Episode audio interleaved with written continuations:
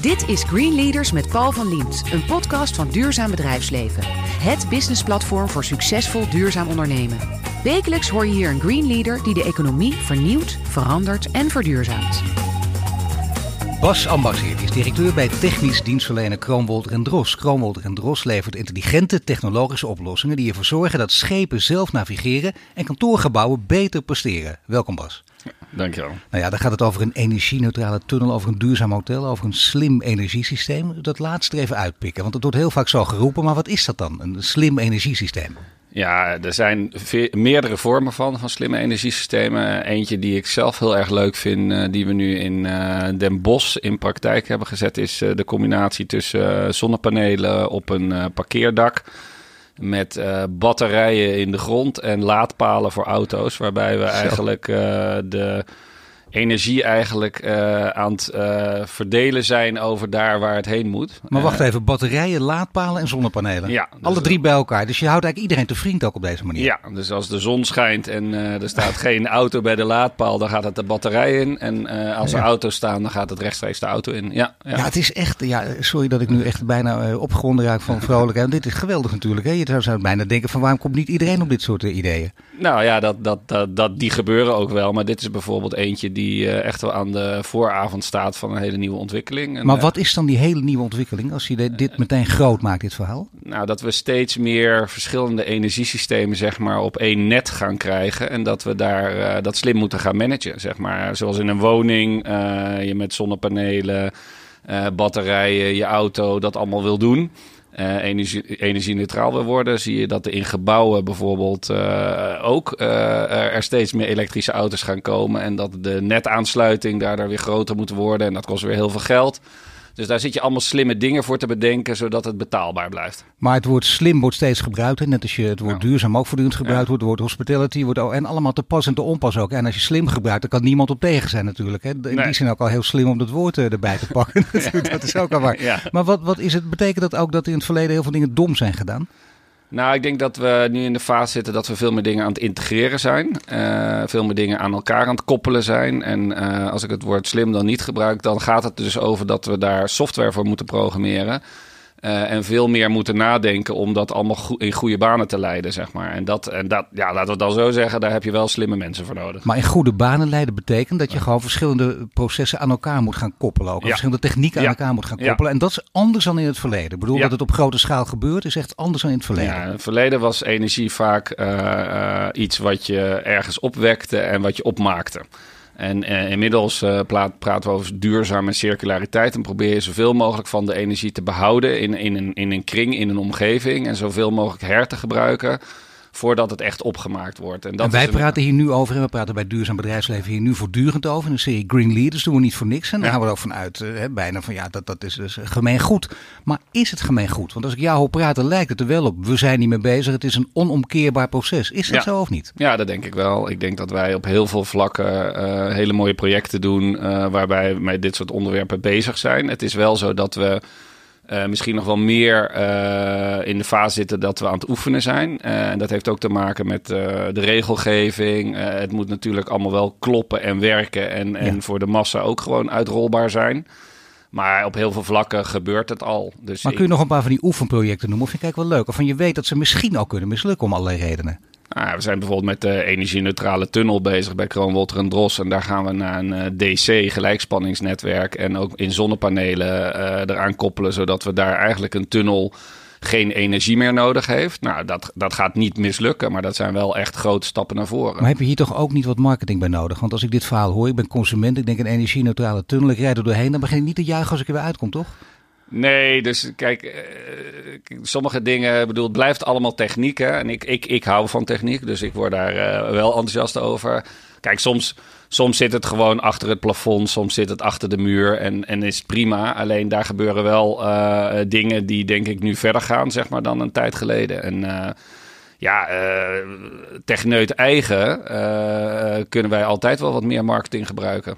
Ja, nou daar komen we zo meteen nog op. maar, uh, maar wat belangrijk is, gaat ook in, in dit geval ook voor techneuten, loopt Nederland voorop in dit soort processen?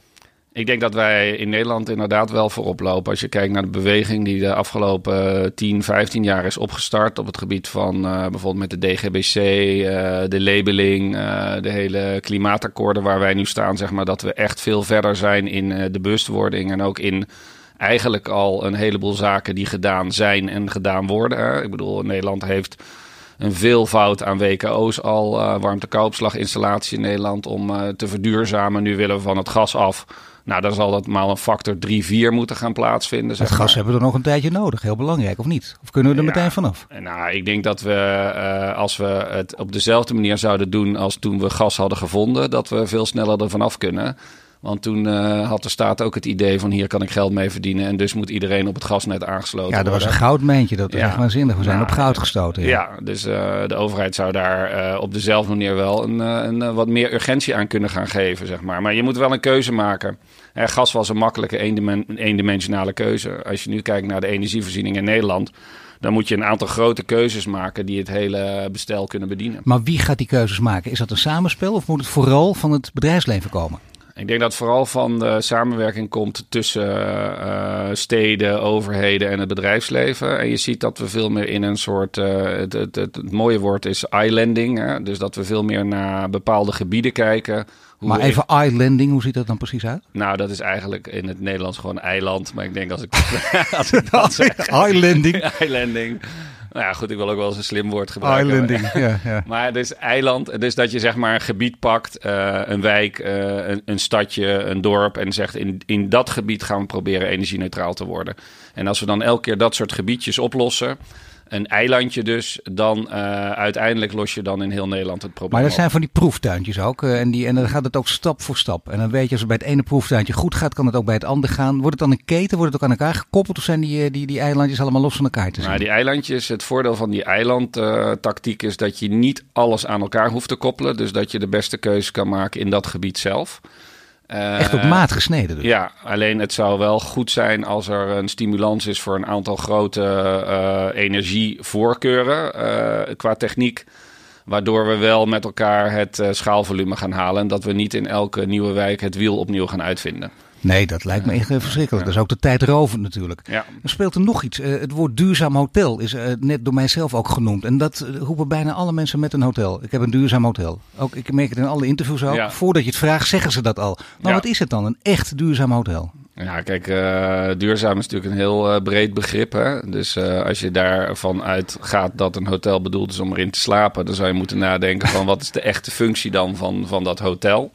En hoe ga je die invullen? Maar als ik even het klassieke model neem, dat we toch een kamer hebben waar je in gaat liggen en de, en de helft van de tijd niet bent. Ja. Dan zie je dat er bijvoorbeeld heel, hele mooie hotelconcepten zijn ontwikkeld waarbij ze alles uh, erop ingericht hebben dat alleen maar op dat moment dat je er bent op die kamer dat er dan uh, verbruik uh, qua energie, qua uh, dat soort zaken. Ja, dat zit. moet je toch even uitleggen, want dat vind ik echt een mooie. Dat zou namelijk geweldig zijn. Maar ja. je loopt een hotelkamer in en uit. En dan ben ja. ik twee uur ben ik er niet. Dan ben ik er weer tien minuten wel. En dan ben ik er drie uur niet. En dan ben ik een half uur wel. Zo gaat het. Stel dat je je hotel zo gebruikt. Wat veel mensen ook doen. Dat, daar kun je je hotelkamer op inrichten. En je hele hotel op inrichten. Ja, je kan je hotel absoluut natuurlijk. Het gaat natuurlijk nog steeds over comfort. Hè. Duurzaamheid moet niet ten koste gaan van comfort en, en de originele functie. Nee. Uh, maar je kan in grote uh, delen van de dag wel degelijk zeggen van ja, uh, iemand slaapt in een hotel. Er zijn gasten die toeristen zijn, er zijn zakelijke gasten. En daar heb je best wel zicht op. En er zijn ook nu zelflerende systemen die daar gewoon naar kijken. En wat is het patroon en wat gebeurt er? Dat zijn dan algoritmes die daarvoor worden ingezet? Ja, ja, ja. Dat is heel makkelijk allemaal. Dat scheelt ook meteen weer in werkgelegenheid, of niet? Nou, dat, dat weet ik eigenlijk niet. Want uh, uh, op dit moment uh, hebben wij een, een, een, enorm tekort aan technisch personeel. Dus we, je hebt gewoon andere mensen nodig, dat is het. We hebben en technisch personeel nodig en andere mensen.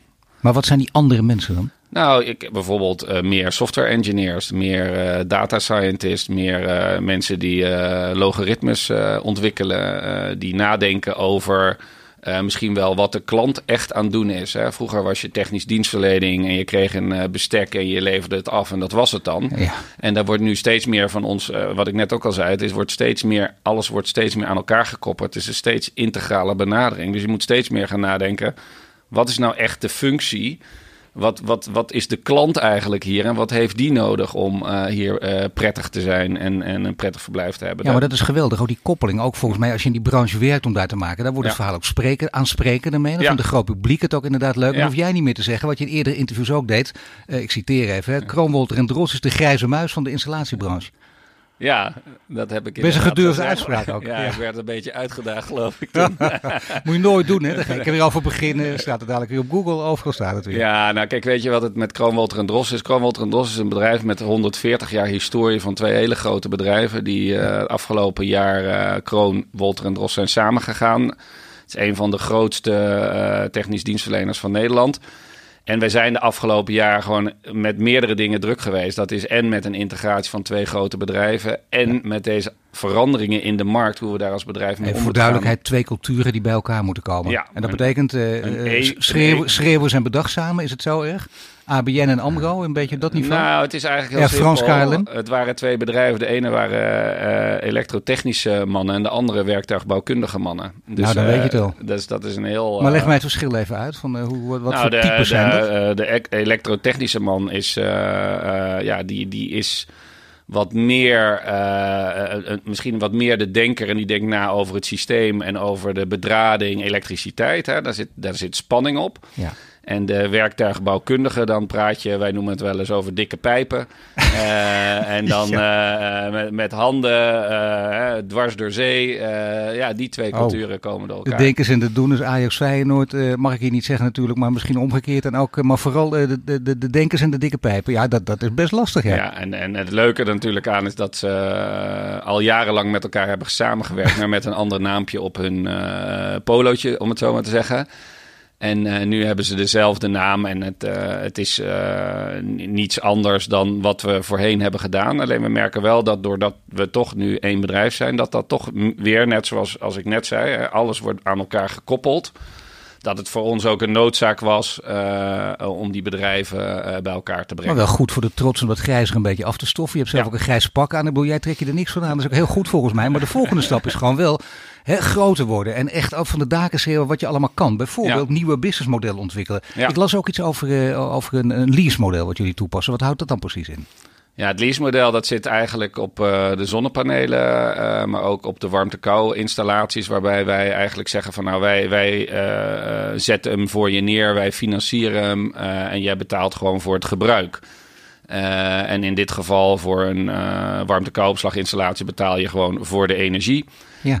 en bij de zonnepanelen vragen we eigenlijk niet voor het gebruik, maar geven we, betalen we voor de huur van je dak ja, ook dit is volgens mij heel goed, omdat het zo voor de hand liggend is ook. Ja. Hè? Maar, en daardoor denk je, jullie misschien zelf ook wel, nou ja, goed, dat is, wij, zijn nou eenmaal slimmer, we doen dit gewoon, waar je moet het van de daken schreeuwen. Maar het is wel een, een, grote stap, toch, of niet? Ja, ik denk dat het, uh, dat het ons heel erg gaat helpen in Nederland om uh, te gaan versnellen. Uh, je ziet ook dat wij van nature techneuten zijn en dat het aanbieden van dit soort concepten bij ons niet gaat om winstoptimalisatie op het concept, maar meer om gewoon uh, een, een, leuk project te starten. Dus ja. wij, wij hebben uh, in die zin met heel veel van onze klanten uh, hele open boek benaderingen van dit soort fenomenen. Ja. Maar je wil af en toe door, door klanten niet als gekke Henkie worden behandeld. Nee, maar goed, ik bedoel, in die zin willen wij ook gewoon geld verdienen. En iedereen gunt het ook aan elkaar om wat geld te verdienen. Alleen wat je wel ziet is dat wij heel veel van onze concepten verkopen in de vastgoedwereld. En ik hoef aan de vastgoedwereld niet uit te leggen hoe je een financiering moet organiseren. Nee, dat als is duidelijk. Nee, dat is uh, inderdaad een uh, waarheid als een koe. Ja, je hoort Bas Ambachtsheer, hij is directeur van Kroon, Wolter en Dros. En net spraken we over de projecten waar het bedrijf aan werkt. En zo praten we verder over zijn persoonlijke drijfveren.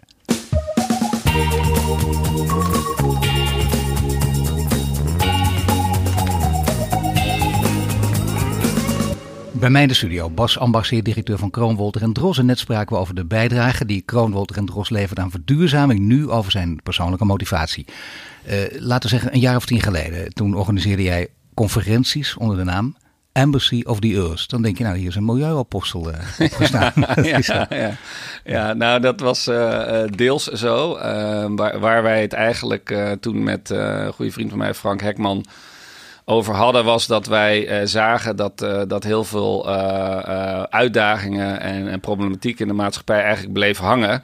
En dat er geen oplossing voor gevonden werd. En ik had met Frank Hekman in die tijd veel in het bedrijfsleven met groepen gewerkt om zeg maar spreekwoordelijk doorbraken te forceren, maar meer op het menselijke vlak. niet de, de harde kant, maar de softe kant. En toen hadden wij het uh, illumineuze idee om eens te zeggen van nou, op, uh, op het gebied van duurzaamheid uh, is er ook wel heel veel aan de hand. Laten we nou eens alle koplopers op dat moment uitnodigen. Uh, en een tipi-tent uh, neerzetten in uh, ja, een soort ja, een tipi-tent, ik weet niet hoe je dat noemt. Zo'n zo'n zo tent die ergens in de grote vlakte van de Mongo Mongolië staat. Oh, dat is. Een tent met een kachel in het midden. Ja, nou ja, precies. Nee, nou, die kennen we allemaal natuurlijk. Tipi-tent, wie weet het niet. Tipi-tent, echt om een beetje ook out of the comfort zone, een, een, een, ronde cirkel om het kampvuur, kampvuur oh, het idee. Uh, zoals vroeger uh, iedereen uh, zijn problemen oploste. Misschien nog wel met een drankje erbij, zoals de Germanen deden. Maar het nou, idee dat werkt altijd wel lekker, ja, dat klopt. En toen, nou, toen hadden we allemaal gedaan. En, maar wat onze grootste les daarvan was eigenlijk dat op dat moment we een snaar raakten bij de, bij de mensen die er waren. Niet zozeer om met elkaar te zeggen, hey, hoe gaan we dit probleem in Nederland aanpakken? Maar dat het een soort healing sessie uh, werd voor de mensen die er waren. Een healing eh, sessie zonder drank. Uh, zonder drank. Ja. van de mensen die eigenlijk al hun frustraties eindelijk eens kwijt konden. Van hoe lang zij al bezig waren om in een bedrijf iets voor elkaar te krijgen. En hoe lang ze al werden tegengehouden. Ja, dat vind ik geweldig. Omdat het, dat wil je eigenlijk niet. Dan moet je ja. veilig onder elkaar zijn. Anders ben je een vervelende mopperaar. Maar je, hebt, je hebt ondertussen wel gelijk. Hè? Wat is er uitgekomen? Nou, er is uitgekomen op dat moment dat, dat dit een hele leuke uh, actie was. En dat heeft ook uh, verbinding gelegd tot mensen. Uh, er is een initiatief opgestart van de nieuwe economie. Damaris, die daarbij was, die heeft een groep opgezet... waarbij ze aan het nadenken zijn over een nieuw waardemodel... wat onder de economie zou moeten liggen... om ook de duurzaamheid in deze zaken te versnellen. Frank Hekman is zelf doorgegaan met de Embassy of the Earth. Die doet nu over de hele wereld nog dit soort projecten uh, waarbij die lokale gemeenschappen helpt om uh, te verduurzamen of een stap in de goede richting maar te zetten. Maar zoals je energie-neutraal bent, is deze organisatie, deze beweging ook politiek neutraal? Ja, het is, het is, de, de Embassy of the Earth is natuurlijk bedoeld als term ook toen in die tijd om te zeggen van ja, we, we planten ergens een tent neer en uh, we, we, we praten over het probleem wat de aarde heeft. En, uh, en dat is wat mij betreft neutraal, ja. Hoe ben jij begonnen? Je bent begonnen als uh, jongeman in een uh, gezin en die wil iets op een gegeven moment. Ja. Uh, wat is je achtergrond? Wat hebben je ouders gedaan of doen ze? Ja, mijn, mijn achtergrond is dat ik in Eindhoven ben opgegroeid. daar was mijn vader natuurkundeleraar. Mijn moeder was huisvrouw en, en was heel creatief in het breien van truien. Dat doet ze nog steeds, voor, ja. zelfs voor modeontwerpers. Dus dat was een beetje de mix. Zo. Uh, mijn moeder kwam uit Wassenaar, dus die uh, was eigenlijk ook wel een beetje import in Eindhoven. En mijn vaders familie woonde er al lang, maar ook wel roots in uh, Amsterdam. Dus niet een echte Brabander geworden, om het zo maar te zeggen. Geen carnavalsvieren? Ja, natuurlijk heb ik carnavals Oh, toch? Echt serieus? Ja, Met die gebreide trui van je moeder en zo. Ja, ik zie wel een beetje... ja, dat is zo. Ja, ja. En, ja. Uh, maar ja, dus uh, uh, altijd wel geïnteresseerd in techniek. Ik heb ook de beta-kant gekozen op school en... Ja, vanuit die kant was ik vroeger al bezig om uh, te kijken wat ik kon bouwen, kon creëren, zeg maar, maken. Maar mag je even, ja. heb je ook gedacht met je vader natuur kunnen leren? Van ja. ik, ik, wil in zijn voetsporen of juist niet? Alles maar geen onderwijs? Ja, eigenlijk juist niet. Uh, uh, want, want hij bracht mij naar Leiden en Delft om natuurkunde studie te laten zien. En toen heb ik er dus voor gekozen om dat niet te doen en zo ver mogelijk bij mijn ouders weg te gaan naar Groningen.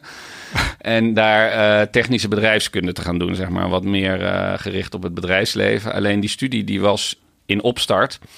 Dus na een jaar vond ik dat toch wel... Uh, ja, ik vond hem te licht. Ja, dat klinkt misschien raar, maar ik vond hem te licht voor mezelf. En toen heeft mijn vader had toch gelijk, want toen ben ik uh, technische natuurkunde gaan doen in uh, Groningen. Vervelend, hè? Vaders hebben vaak gelijk ja, achteraf, ja, hè? Dat is heel lastig, ja. Nee, dat was heel gelukkig natuurlijk met mij. Ja. En uh, ja, dus dat heb ik gedaan. Alleen dat is, dat is echt wel een zware technische studie, zeg maar. Dus ik ben daar uiteindelijk gaan afstuderen. Maar je deed dat niet alleen op de prikkel en de interesse, of wel? Of had je ook al een beroepsperspectief in je hoofd op relatief jonge leeftijd? Als, laten we zeggen als begin twintiger.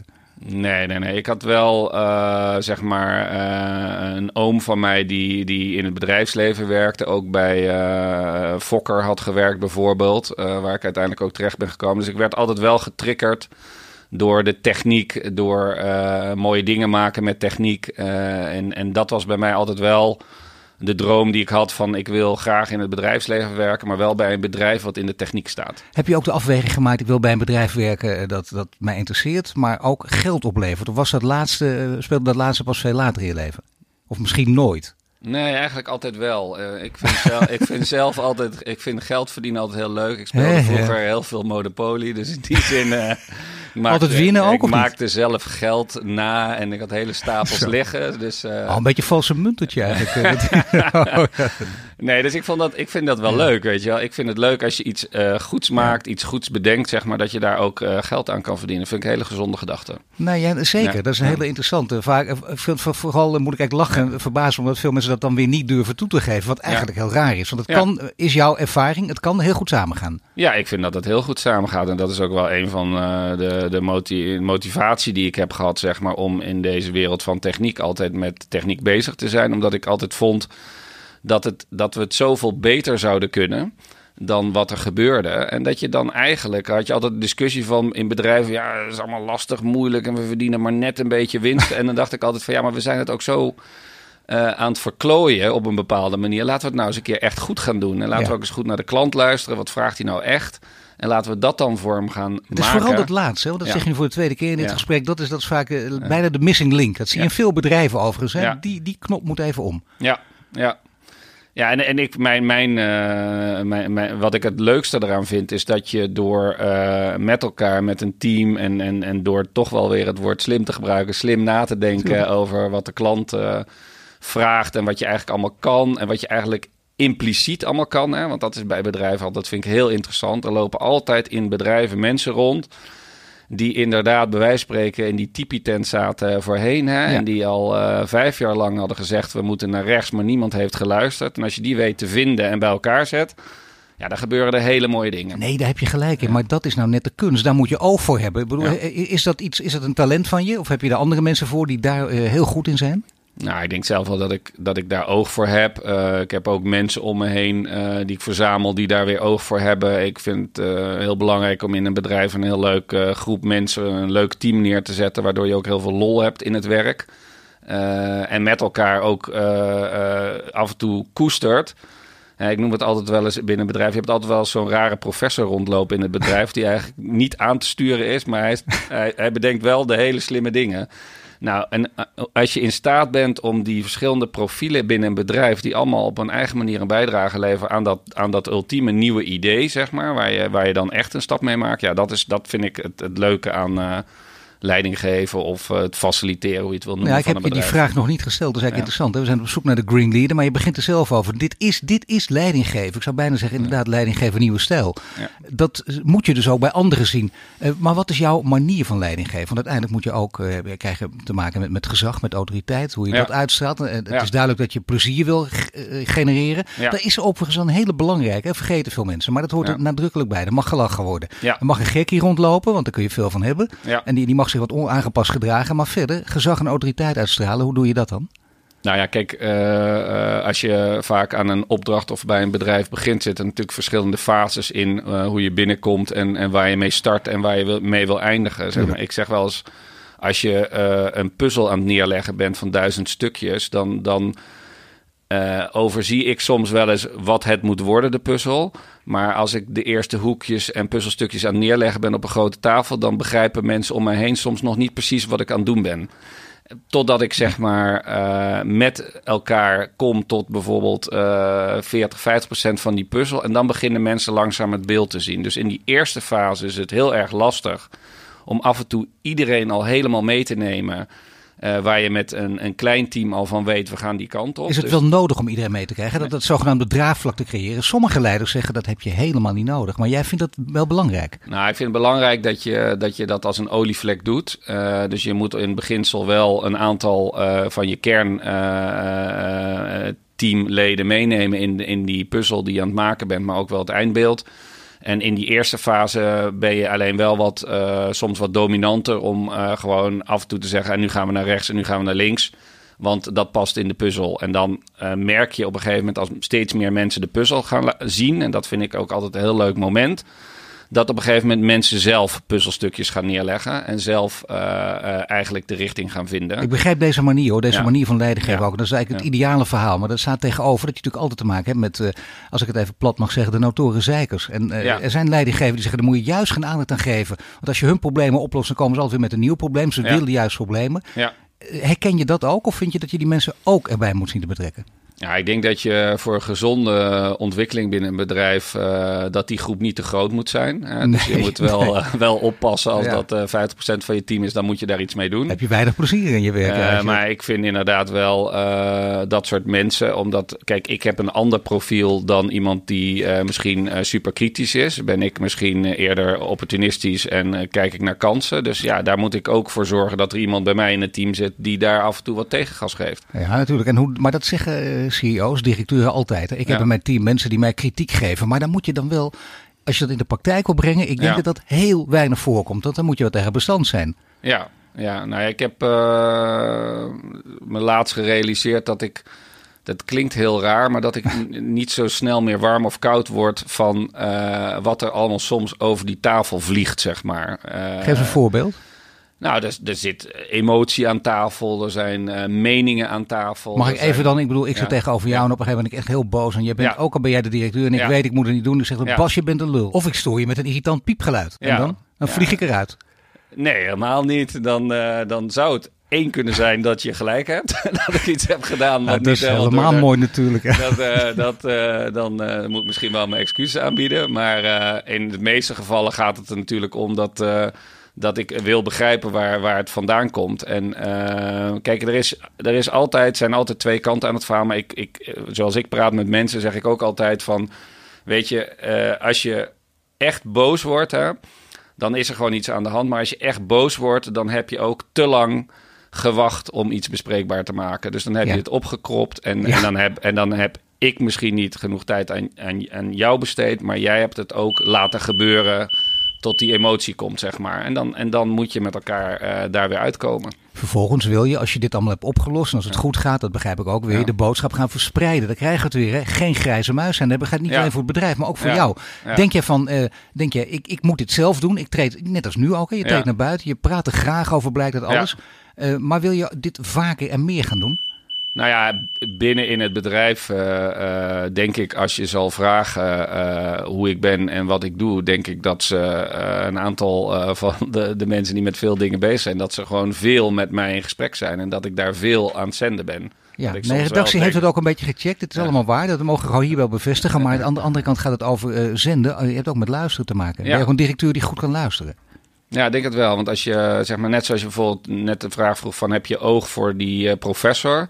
Uh, gaat het bij mij om, en ik denk bij uh, leiders, zeg maar, die, die, die, die hoger in, het, in, in de boom komen te zitten, dat je steeds minder informatie eigenlijk krijgt waaruit je toch moet gaan achterhalen of er iets aan de hand is. Ja. Dus uh, ja, je wordt heel goed in, in, in woordjes, in, in, in, in signaaltjes waarvan je denkt, hé, hey, wacht even, nu ga ik een extra vraag stellen. Aan het woord is Bas Ambachtsheer. Net spraken we over zijn persoonlijke motivatie. Dadelijk praten we verder over de bijdrage die Kroon, Wolter en Dros gaan leveren aan de bredere acceptatie van duurzaamheid.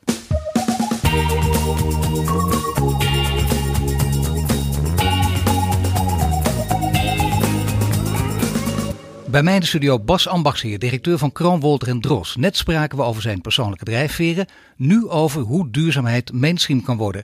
Ja, en hoe kan dat? Wanneer beginnen we met die duurzaamheid van Nederland? Nou, kijk, wat ik nu zie is dat veel bedrijven dit ook aan het doen zijn. Uh, uh, ik was laatst in Amsterdam over in gesprek met iemand die bij de Universiteit Amsterdam werkt. En daar zie je ook dat eigenlijk die gedachte die leeft overal, zeg maar. Dus het is misschien wel nu het momentum aan het komen om daar dan uh, met elkaar van te zeggen: joh, uh, zullen we heel Nederland gewoon uh, voorzien van warmte-kouopslaginstallaties? Want dat concept is proven, het werkt.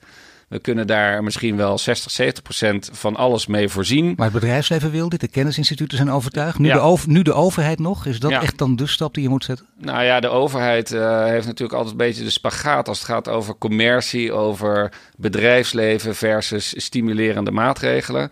Alleen als het in 1953 de dijk doorbreekt, dan gaan we meteen een, een dijk er neerzetten om Kijk op te lossen. kunnen ook. Ja. Dat, ja. En dan gaat het wel allemaal heel snel. Dus we, we, proberen die urgentie erin te krijgen, maar dat is het grootste probleem. Dat maar dit heeft natuurlijk weer met de consument te maken. Met laten we zeggen de massa bereiken. Want de massa wordt bijna altijd bereikt. En, en in die zin wil ik mezelf ook heus van onderrekenen. Want het is ook zo. Als je dingen waar je niet over nadenkt, dan moet eerst iets heel ergs gebeuren. En dan pas zie je de noodzaak. Maar zou jij als persoon het erg vinden als Nederland besluit om jouw energievoorziening om te zetten naar een warmte-kou-opslag, als jou dat niks meer kost?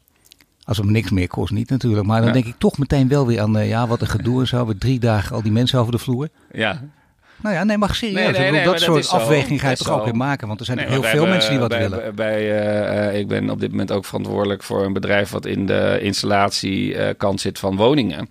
En het verduurzamen van woningen, daar kom je gewoon achter dat je een verduurzaming in een woning eerder voor elkaar krijgt als je ze een nieuwe keuken geeft.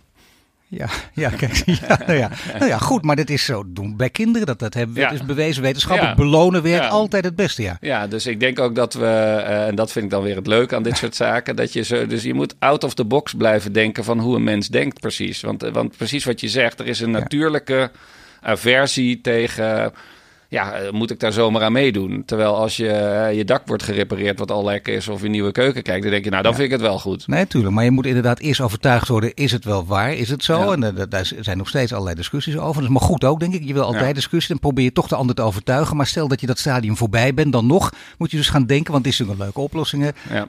stel je zegt tegen mij, mag het, in jouw huis mag het gebeuren, dan krijg je, weet ik van, niet een nieuwe keuken, maar nou, iets anders leuk. Een leren voetbal met Ajax erop. Nee, maar laten we maar kinderachtige dingen noemen. Maar je kunt in die richting, moet je ook gaan denken. Ja, dat denk ik ook. Ik denk ook dat je, de, dat je duidelijk uh, uh, ook niet iedereen over één kam moet scheren. Uh, het, blijft, het zou een cafetaria-model moeten zijn waar de energietransitie onderdeel van is, maar waar gewoon iedereen die dagdagelijks al zijn behoeftes heeft, ook op een ander vlak uh, een stapje vooruit maakt. Maar hier blijkt dus ook, uh, laat ik dan laat ik het marketing ja. noemen, laat ik uh, zeggen, haal ja. bijvoorbeeld cognitief neurologen erbij. Hè? Mensen die heel goed ja. zijn hoe in, in breinwerking, die op veel gebieden natuurlijk ook weten hoe je mensen op een, op een positieve, ook negatieve, dat hoort er altijd bij, maar wel kunt beïnvloeden. Maak je ook dan gebruik van, di van dit soort inzichten? Nou ja, kijk, dat, dat is wel een beetje de link met uh, hoe ik vroeger met groepen heb gewerkt, zeg maar. Samen met uh, Frank Hekman. Wat ik vertelde, is dat inderdaad de, de, de softe kant, zeg maar, van hoe een, uh, je een groep van A naar B krijgt in zijn gedachtegang. om op een gegeven moment een andere, ander pad te omarmen en de verandering aan te gaan. Daar, daar is een proces voor nodig. En dat proces is net zo in boeken omschreven als in een technisch boek. Uh, en daar zouden wij uh, ons als managers uh, en, en, en, leidinggevers veel meer in moeten trainen om dat te kunnen. Ja, dat is denk ik een hele belangrijke om dat op grote schaal dan ja. ook te doen. Ja, dan zou je wat kunnen. En daarbij ook zo, noem het eerlijk, transparant mogelijk zijn door tegen zowel consument als bedrijfsleven te zeggen. Komende jaren, zeker, zult u een wat gepeperde rekening krijgen, maar er komt wat voor terug. Ja, ik denk, ik denk dat, dat die gepeperde rekening natuurlijk wel uh, een, een, Ja, dat klinkt raar, maar dat zou nog wel eens een goed effect kunnen hebben op het feit dat we het nu wel moeten gaan aanpakken. Want let wel, uh, de, de, de decentrale energiesystemen, zeg maar, zijn in principe veel minder afhankelijk van schommelingen van uh, gasprijzen en, en de markt. Hè? Dus een, een WKO verbruikt nog maar een vierde deel elektriciteit ten opzichte van... Weet ook nog even de warmte- en kou warmte Dus, dus en elektriciteit heeft geen schommelingen in de prijs. Elektriciteit is over het algemeen alleen maar goedkoper aan het worden... omdat er steeds meer van uh, wordt gemaakt. Uh, dus als op het moment dat je naar all, uh, all electric gaat... Hè, dat je elektrisch je energievoorziening gaat aansturen... dan kan die prijs gewoon voor 15 jaar vastgelegd worden. Nou ja, dat is inderdaad waar we net over hadden. Dat zou dan de oplossing zijn. Maar dan Ja. moet je dus wel heel op een, ook hier weer op een heel slimme manier weten hoe je gewoon grote groepen mensen eh, Ja. aan, je- aan je gaat trekken. Je hebt het in het Ja. klein gedaan. Dit kun je dus straks in het groot ook gaan, gaan toepassen. Ja. We hebben natuurlijk ook de klimaattafels en ook achter de rug. En het speelt natuurlijk nog steeds. En we hebben de uitkomst en de gevolgen daarvan gezien, de verhitte debatten. Dragen die enigszins bij tot dit soort oplossingen? Ja, ik denk, ik denk dat ze allemaal eh, bijdragen. Eh, ik denk dat niet één de oplossing biedt. Ik denk dat de, wat er nu gebeurt eh, in Nederland, soms door de klimaatakkoorden, door de discussies dat we weer aan het polariseren zijn over is dit nou de oplossing, is dat nou de oplossing? En dat we af en toe weer vergeten van waarom het begonnen was. En het grotere doel was de energietransitie. We moeten er gewoon met z'n allen doorheen. En uh, ik denk dat we in Nederland zo'n grote dichtheid hebben aan uh, slimme mensen, adviseurs, techneuten, engineers, et cetera. En dat is misschien nog wel ons grootste probleem. Ja, maar dat ons grootste probleem, omdat we misschien wel niet te weinig inzetten. Ik noem maar wat, op het oranje gevoel. Hè? Dus je, je ziet ja. dat af en toe wat kan opwekken bij, grote, bij een grote publiek. Zou je dat meer moeten doen? Ja, dat zou een algemeen belang moeten zijn om met elkaar natuurlijk Nederland naar de volgende fase te brengen. Maar dat betekent als je het algemeen belang inderdaad, als je die grote groep zeg maar zou kunnen bewerken met het, met, met, om die verandering aan te gaan, wat ik in kleine groep ook heb gedaan. Dan kunnen mensen ook over hun schaduw heen stappen om niet altijd het gelijk te halen van ik weet het net iets beter dan uh, de andere adviseur van bedrijf X, Y, Z. Want ja. dat zie je heel veel uh, in deze discussie ja, plaatsvinden. Ja, oh, tussen aanhalingstekens op een slimme manier elkaar vliegen afvangen. Ja. Van ik heb met een nog slimmere prof professor gesproken en die zegt dat. En uh, lekker pu, ik weet het beter dan jij. Ja. dat is een hele grote drempel in Nederland om een oplossing die goed genoeg is te implementeren. Omdat we dan denken, ja, maar als we nou nog een jaar wachten of als we nog een keer beter nadenken, dan kan het nog anders, dan kan het nog beter. En dan vergeten we vijf, zes, zeven, acht jaar lang die oplossing die al 80% had opgelost te implementeren. Ja, dat is het. Dat is een hele interessante, want dat is dat je zegt voor 80%, dus het gaat toch met vallen en opstaan. Er gaat dan iets mis en dan heb je alle mensen die gaan roepen, zie je wel, terwijl jij dan zegt, nee, je moet kijken naar die vier vijfde die wel lukt. Ja, kijk, toen wij vroeger klein waren en ik ook, uh, uh, zit je in een fase van 0 tot 10 in je grootste uh, leerproces maar wat je kan meemaken. En de enige manier waarop je leert op dat moment is vallen en opstaan. Ja. En wat wij uh, als uh, volwassen mensen vergeten, is dat dat leerproces eigenlijk op dezelfde manier moet doorgaan als je wil versnellen. Dus als je heel snel wil veranderen, dan moet je een leerproces hebben met vallen en opstaan. Ja. Dus dan moet je gaan doen en leren van je doen en het opnieuw gaan doen. Dat lijkt mij een hele goede vergelijking. En dan snap ik ook dat jij als techneut, als ik me een beetje op dit gebied in jou probeer te verplaatsen, dat, dat, dat je vingers af en toe jeuken. Dat je ziet wat voor mogelijkheden er zijn die dan nog niet voor 100% gelden, maar wel voor een heel groot deel. Zou je iets kunnen noemen? Iets waarvan je zegt, nou dat is zo leuk en zo goed, daar willen we nu aan beginnen, maar het kan om allerlei redenen nog niet. Uh, nou ja, ik denk uh, als ik daar naar kijk, uh, dan, dan denk ik wel aan de wat grootschaligere aanpak zeg maar, van, van wijken, van, van gebouwcomplexen, van, van, van oplossingen waarvan je weet dat omdat als je dat klein beetje schaal erbij hebt, dat het gewoon eigenlijk goedkoper wordt, beter wordt en alles opgeteld bij elkaar. Uh, en dan jeuken je handen vanuit de techniek, omdat je weet dat het gewoon kan.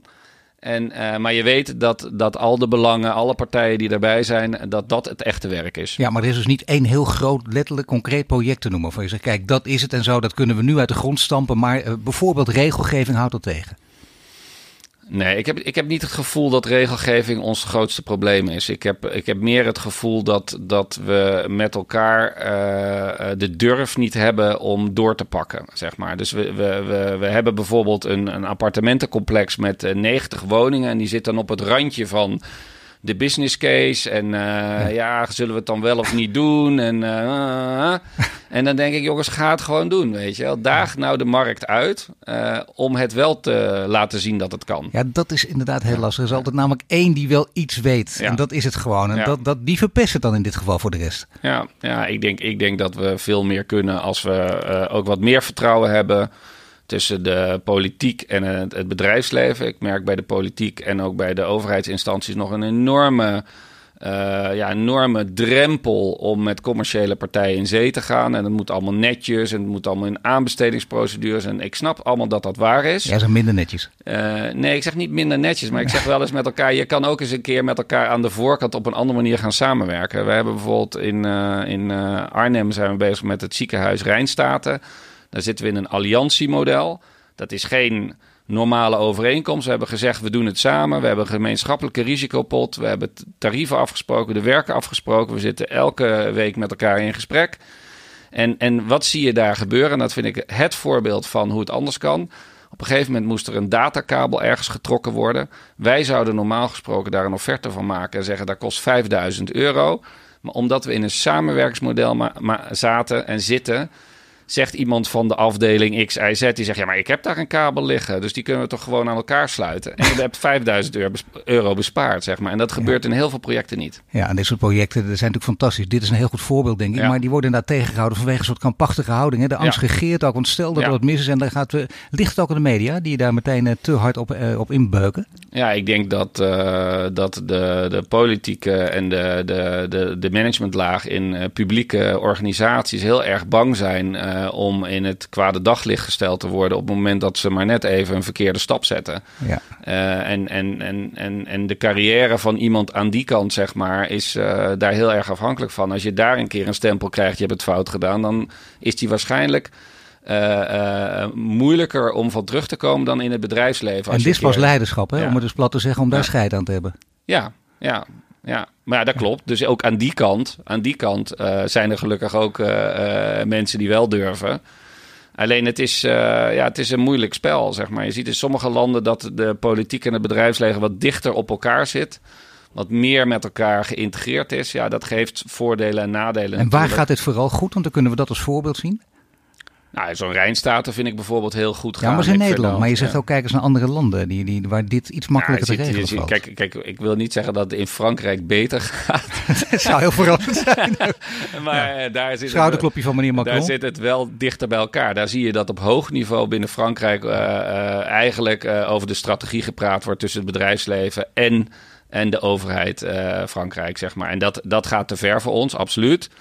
Uh, maar wij kunnen wel een stapje maken, om het zo maar te zeggen. Dus, maar goed, weet je, uh, ik weet niet of jij het hebt, maar elke keer als ik terugkom in Nederland, ben ik toch altijd weer heel blij om in Nederland te zijn. Dus soms Zeker. de bepaalde, het altijd sluiten van compromissen, soms de kneuterigheid, soms de, de we komen er niet doorheen heeft nog steeds uh, de resultanten dat wij toch wel ver voorop lopen op dit gebied uh, ten opzichte van de wereld. Ik dank je Bas. En uh, Bas Ambaksheer, en nou, na dit interview, u begrijpt het, je kunt hem nooit meer grijze muis noemen. Je luistert naar de Green Leaders podcast van Duurzaam Bedrijfsleven. En volgende week dan zijn we terug met een nieuwe Green Leader. Dankjewel.